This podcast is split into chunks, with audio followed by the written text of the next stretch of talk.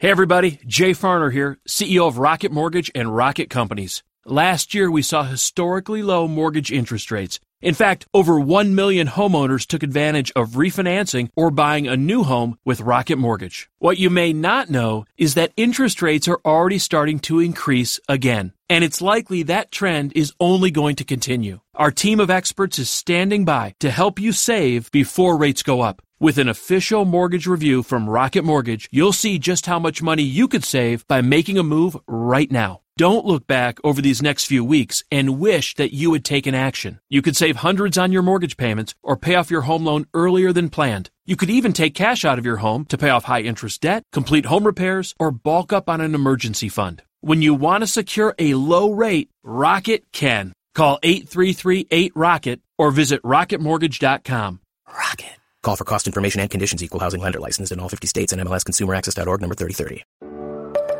This is what matters most, and I'm Matt Popovits. Look, life is crazier than ever, and lots of people, maybe even you, are feeling anxious and overwhelmed. Today's message is designed to help you figure out what's most important and to experience the peace and joy that God intends for you. Because life is a gift, and it shouldn't be wasted on worry. I'd like to give you a resource, something to help you navigate the road ahead. Just go to mattpopovits.com, click on the icon, and we'll send it to you. That's mattpopovits.com. And hey, if you happen to live in the Houston area, I'd love to see you on a Sunday morning at St. Mark in Spring Branch. Head to stmarkhouston.org to plan your visit. Here's today's message. Thanks for listening.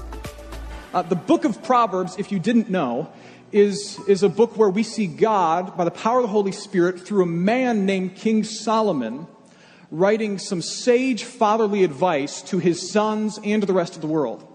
And in this particular section, starting at verse 18, what you have is the king giving what is basically an Old Testament version of the talk to his boys. And this is what he says. We've actually read these verses a couple times on a Sunday morning over the last year or so. Listen to this. It says, uh, Son, let your fountain be blessed and rejoice in the wife of your youth, a lovely deer, a graceful doe. Let her breasts fill you at all times with delight. Be intoxicated. I love that word. Intoxicated always in her love. Growing up, this is one of those, uh, those, those sections of scripture that your Sunday school teacher never really got around to. But had she, you would have shown up for class a whole lot more, right? And, and for me, one point really needs to be made out of this. Um, masculine sexuality is a gift from God. Masculine sexuality is a gift from God. Men and women, by God's design, this is all basic, you know this, are distinctly different when it comes to sex. Yet here's the difficult part. Oftentimes in our culture, by, by a well meaning wife or a good intentioned friend or just a, um, a misinformed church leader, too many men are led to believe that their very masculine sense of sexuality is wrong.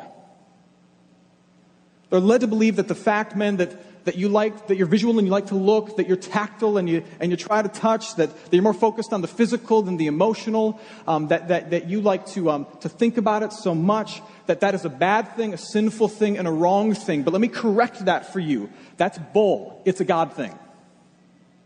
It's how he made you. But think again about Solomon's advice. He describes sexuality to his sons in a way that only a man could. And this is the Holy Spirit speaking through him. He says she's as pretty as a deer. Go get drunk on her love. He's probably from East Texas.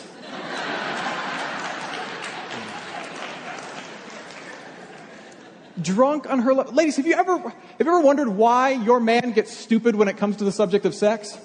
It's because he has a verse that gives him permission to be intoxicated always with her love. That's why male sexuality was designed by God to be a perfect complement to female sexuality. Ladies, your feelings lead to physicality. Our physicality leads to feelings. You're verbal, we're visual. You're verbal, which means you remember every kind word every man has ever said to you. We're visual, which means any store we go into, even at church right now, we can instinctively tell you where all the beautiful women are located. There, there, and there. We're visual. When it comes to sex, we're like a helicopter that can take off and land anytime, any place, anywhere. You're, you are a jumbo jet that, re- that requires a long runway. And one is not better than the other, but instead they need each other. They purposely complement one another. It's designed in such a way that, that these two different drives and desires, they, they hold one another in balance. They keep one another in check. So male sexuality is a purposeful, incredible, glorif- God glorifying gift that he has given to guys. That's what it is. Now, that does not mean, men, that you get to walk around looking at, touching whatever you want, saying, hey, it's how God made me. Not at all. Jump with me once again to Genesis chapter 2. We were here uh, the last couple weeks. We're going to go back. Genesis chapter 2, verse 23. And we will see how your uniquely male sexuality is to be lived out.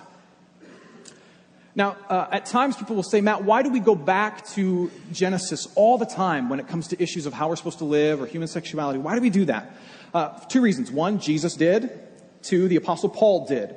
The reason we do this is because when we talk about how we are wired as human beings to live, we do not want to make our arguments from culture because culture changes. We do not want to make our arguments from opinion because opinions vary. We want to make our arguments from creation, how we're wired to live which is why Jesus always jumped back to Genesis, so did Paul, and so will we. Genesis chapter 2, verse 23. Then the man said, This is him, is Adam looking at Eve. This at last is bone of my bones and flesh of my flesh. She shall be called woman because she was taken out of man. Therefore, a man shall leave his father and his mother and hold fast to his wife, and they shall become one flesh. And the man and his wife were both naked and were not ashamed. So Adam and God had gone on a search together for the perfect partner, a suitable mate for Adam. And finding nothing in the world that would work, uh, God then created what we know as woman. And as soon as Adam laid his eyes on Eve, the second he sees her, remember, he's visual, he knows he has hit the jackpot. In fact, it says that Adam is so taken at the very sight of Eve that he breaks out in song.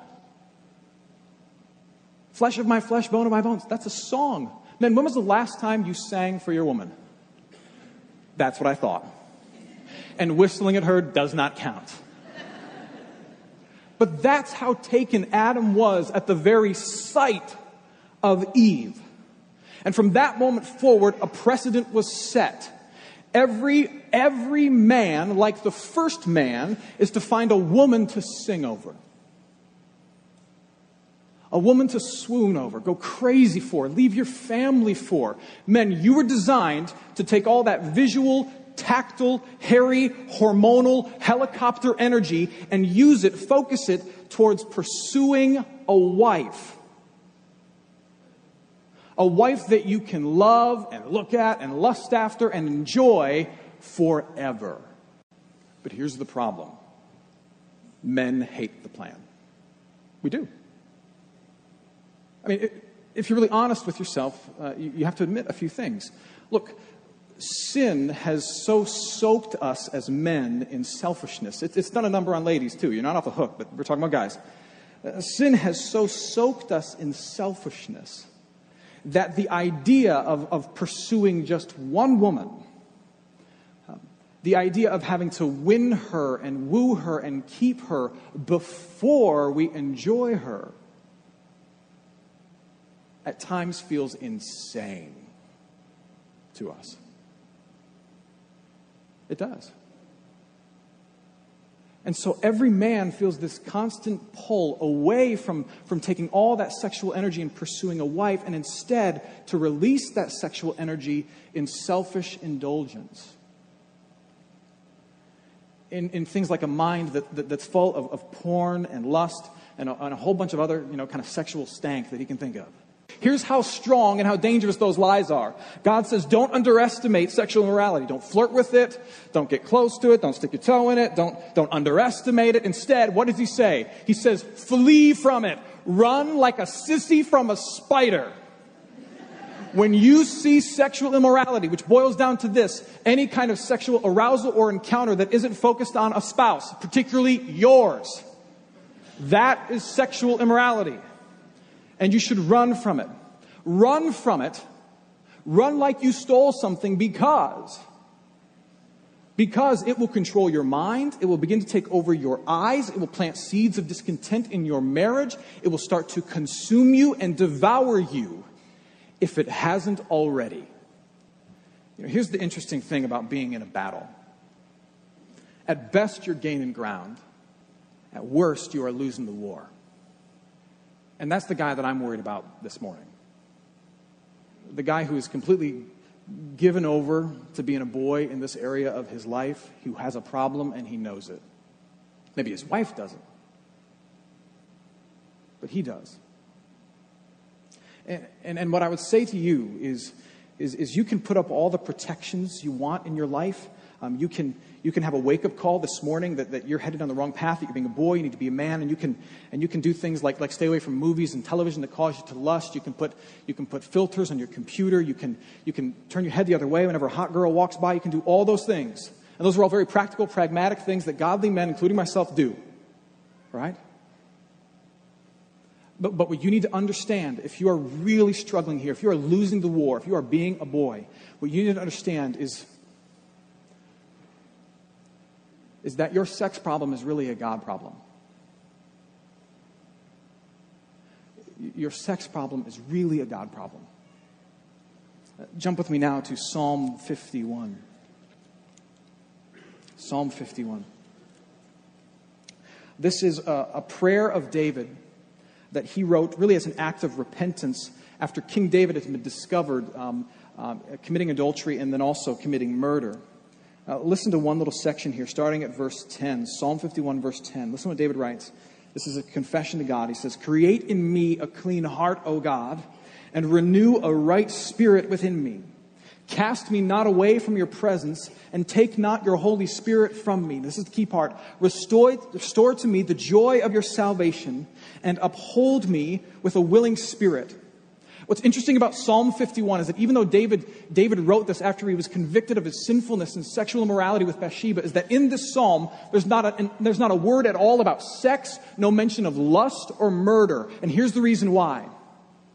The abuse of, of, of masculine sexuality is simply a symptom of something greater. David's biggest sin was not that he tried to live like a porn star. His biggest sin was that he tried to find his joy and his fulfillment and his sense of meaning and purpose in something other than the one true God. That's why he says, Lord, give me a clean heart. Restore to me the sense of joy that comes from knowing that I'm forgiven by you, that I'm loved by you, that there's a purpose for every aspect of my life from you. Give me that joy because when that joy starts to fade, I try to find it and fulfill it in all kinds of freaky ways that hurt me and bring shame to your name. If you're here this morning and you are losing this war, I want you to fight. I want you to put, uh, take some pragmatic, practical steps. I want you to talk to your wife or tell a friend. But most of all, I want something to happen inside your heart because this is a God issue, not a sex issue. I want something to happen inside of your heart. I want you to say, Heavenly Father, I need you to do something right here. Give me your joy. Give me joy that comes from knowing I'm loved by you, guided by you, that there's a plan from you, I'm forgiven by you. Because when that joy fades, I try to find it in, in looking up images on my phone and thinking about the new girl at work and wishing my wife would do this or my neighbor would do that. Everything that's horrible about me on the outside flows from a lack of fulfillment and satisfaction that only you and your son Jesus Christ can give me on the inside. Create in me a clean heart and give me joy that can only come from the cross of Jesus Christ. That's what must happen. Anything else is just putting a band aid on a gunshot wound. And when that happens, I want you to get up from that prayer and walk away knowing you are forgiven, walk away knowing that the past is gone and the present is clean. And I want you to take certain steps in fighting the battle and pursuing a woman. Hey, friends, it's Matt. If you're listening to us in Houston and you're looking for an excellent education in a Christian setting for your student, I'm inviting you to take a tour of St. Mark Lutheran School in Spring Branch. We serve infants through eighth grade with an excellent faculty, brand new facilities, and a faith forward curriculum. To schedule your tour, head to gostmark.org. That's G O S T M A R K dot org to schedule your tour today. St. Mark Lutheran School. It's excellent education for your son, your daughter, your little one. Now, back to today's message. When it comes to actually fighting that battle, the shape it will take will vary depending on whether or not you're actually married. Uh, we'll start with the single guys first. Um, and I don't care if you are you know, 38 and recently divorced, 26 and still looking, or 17 and really excited. The way you fight this battle as a man, the way you fight this battle as a man, is, is brutally simple. You are to take all that energy, all that visual, hormonal, tactile energy, and you are, you, you are to use it to win a woman's heart and then take her hand in marriage. Win a woman's heart and take her hand in marriage as fast as you can. Single guys, listen to me. If you are struggling to control yourself sexually apart from a wife, then you need to make your number one priority preparing yourself for one and pursuing one. Which means if you're a young man, if you're in high school early college, I talked about this a couple weeks ago, you need to get a skill that can pay you some money. You need to go to college so you can start a career, so you can build a life that you can invite another woman into. If you are older and say divorced, you need to get healing for your hurts. You need to get your house in order. And in the meantime, I want you to specifically pray for God to send you a godly woman. Ask that He would send you the kind of woman that you would want your daughter to become the kind of woman you would want your son to marry. And when you find her, you are to woo her, you are to win her, and you are to marry her as fast as you can. Because the longer you stretch out that process, the more your selfishness takes over. The longer you lead her on without taking her into a solid future, the more opportunity for sin there is. You know you love her. You know she's the one. You know she's the answer to your prayers. She likes you. Get in some counseling together. Get married. Put a dress on her. Get a ring on her finger. Marry the woman.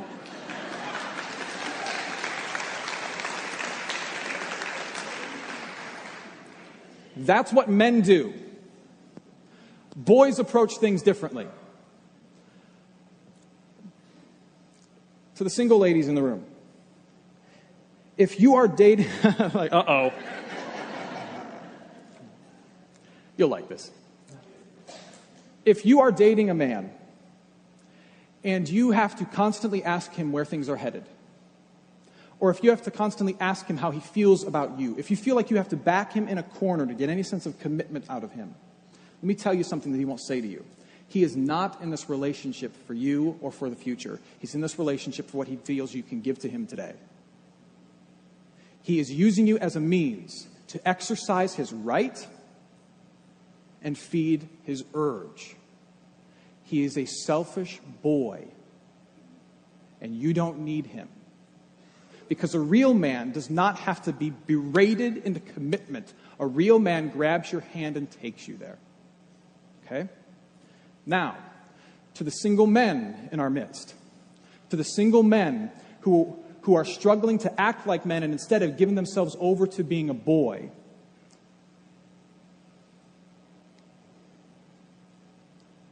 If you don't have the guts to ask for her hand in marriage, what gives you the right to ask for the rest of her body while you're dating? And I don't care if she lets you. Here's the sad fact you are so selfish and sinful that you will ask for the world. She is so desperate for emotional security that she'll lower her standards and give it to you. Your goal. Your goal is not permission. Your goal is holiness. And they go in opposite directions. And you will say things to me, and you've said things like this to me, that that you wouldn't buy a car without test driving it. And I would like you to ask all the ladies in the room if they are cars.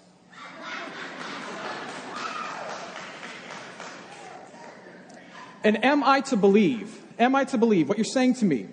What you're saying to me, what you're saying to me is that if you found a girl that you absolutely adore, a girl that you adore, but it just so happens that you discover later on that she's not the greatest in bed or that she, she looks like Willie Nelson in the morning when she wakes up without makeup on.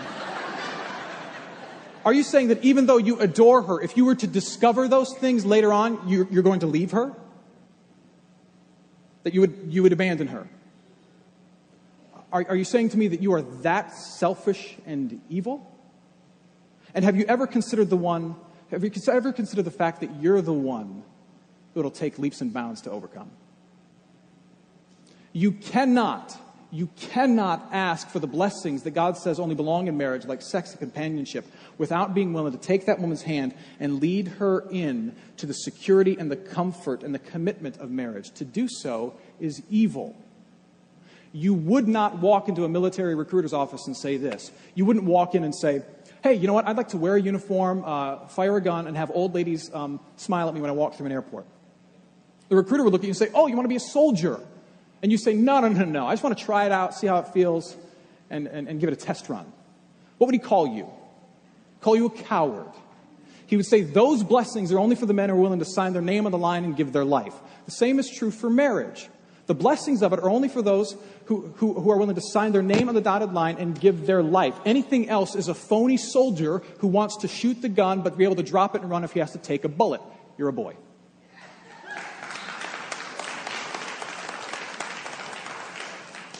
And here's the thing if you are here, if you are here, we still love you. If you are here, we forgive you, okay? But do not date our single women.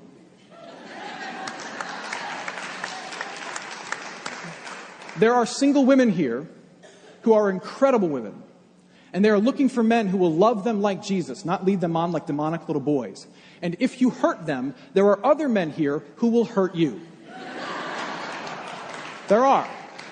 It's called our men's ministry. That's why they exist. I won't be a part of that because I'm weak, but other men will take care of business.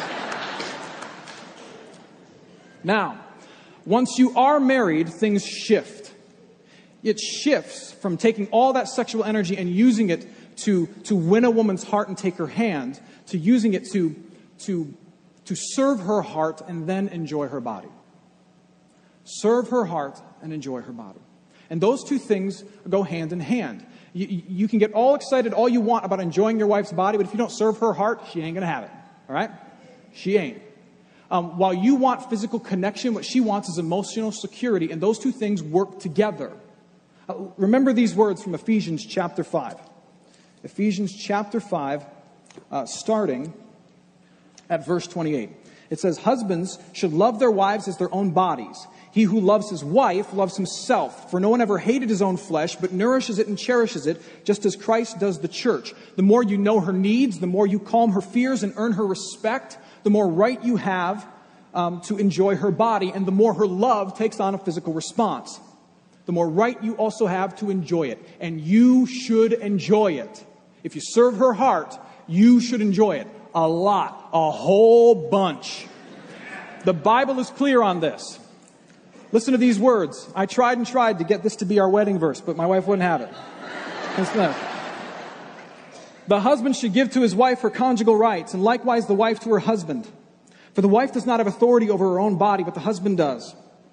Likewise, the husband does not have authority over his own body, but the wife does. Got no problem with that. Do not deprive one another, except perhaps by agreement for a limited time that you may devote yourselves to prayer. Don't need to pray that much.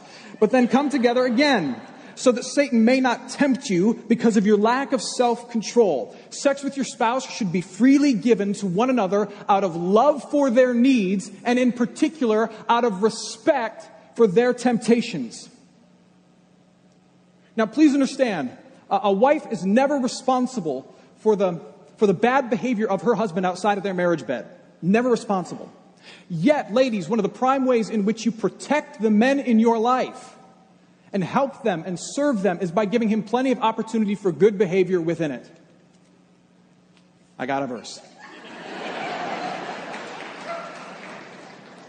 Men, you also have to understand that in all likelihood, the woman you married will require patience from you as you pursue her in this way. Far too many women have been hurt by boys. Far too many of the women we love have been abused by a boy who took advantage of her and now she has baggage. Far too many women have, have body image issues from a world they believe rejects them as they are. And as a result, you're going to have to be a man and be patient with her. You're going to have to serve her heart over time so that eventually she will trust you with everything else. Here's how you fight the battle repent of your sins, get a new heart. If you're single, win a woman's heart and take her hand. If you're married, serve your wife's heart like crazy and enjoy her as much as possible. Hey, it's Matt. I hope you enjoyed what matters most. Here's what I need you to know life is a gift, and it shouldn't be wasted on worry. I want to help you figure out what's most important and to experience the peace and joy that God intends for you. So, for more content, you can head to mattpopovits.com. That's Matt, P O P O V I T S.com.